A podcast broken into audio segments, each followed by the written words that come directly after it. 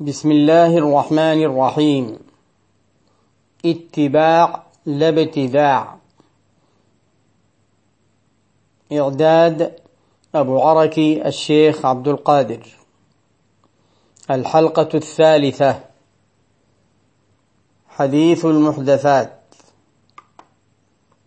عن العرباض بن سارية رضي الله عنه قال قال النبي صلى الله عليه وعلى آله وصحبه وسلم أوصيكم بتقوى الله والسمع والطاعة وإن عبدا حبشيا مجدعا.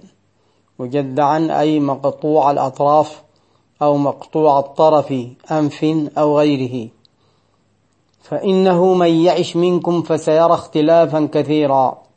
فعليكم بسنتي وسنة الخلفاء الراشدين. المهديين فتمسكوا بها وعضوا عليها بالنواجذ. وإياكم ومحدثات الأمور فإن كل محدثة بدعة وكل بدعة ضلالة. أخرجه ابن حبان وكذلك الترمذي وأبو داود وابن ماجه والحاكم وهو حديث صحيح. وعن كثير بن عبد الله عن أبيه عن جده أن النبي صلى الله عليه وسلم قال من أحيا سنة من سنتي قد أميتت بعدي فإن له من الأجر مثل من عمل بها من غير أن ينقص من أجورهم شيئا.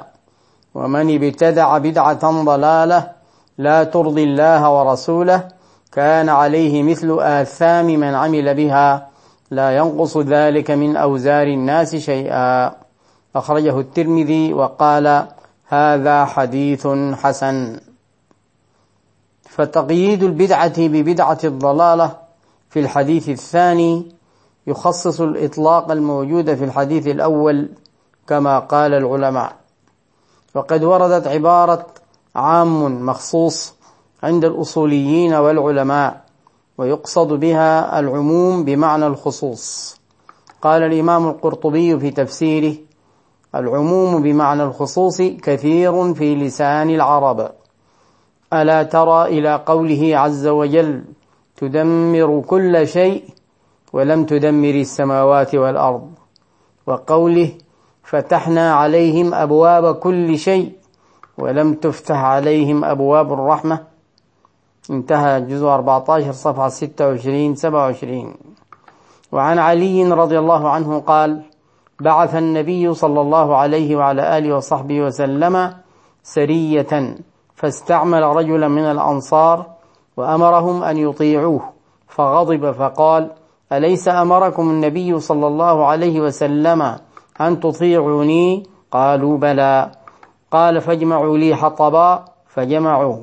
فقال أوقدوا نارا فأوقدوها. فقال ادخلوها. فهموا. وجعل بعضهم يمسك بعضا. ويقولون فررنا إلى النبي صلى الله عليه وسلم من النار فما زالوا حتى خمدت النار فسكن غضبه. فبلغ النبي صلى الله عليه وعلى آله وصحبه وسلم فقال لو دخلوها ما خرجوا منها. إلى يوم القيامة الطاعة في المعروف. أخرجه البخاري. إذا فالأمر بطاعة أميرهم عام مخصوص بالمعروف دون المنكر.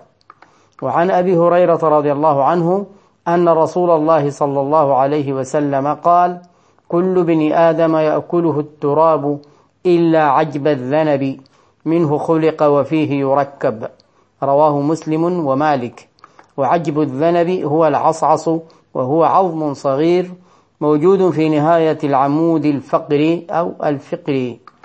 وفي التمهيد لابن عبد البر قال ظاهر هذا الحديث وعمومه يوجب أن يكون بنو آدم كلهم في ذلك سواء إلا أنه قد روي في أجساد الأنبياء والشهداء أن الأرض لا تأكلهم. وحسبك ما جاء في شهداء أحد وغيرهم. وقد ذكرنا ذلك فيما مضى من كتابنا وهذا يدل على أن هذا لفظ أو لفظ عموم ويدخله الخصوص. انتهى. ونواصل إن شاء الله تعالى.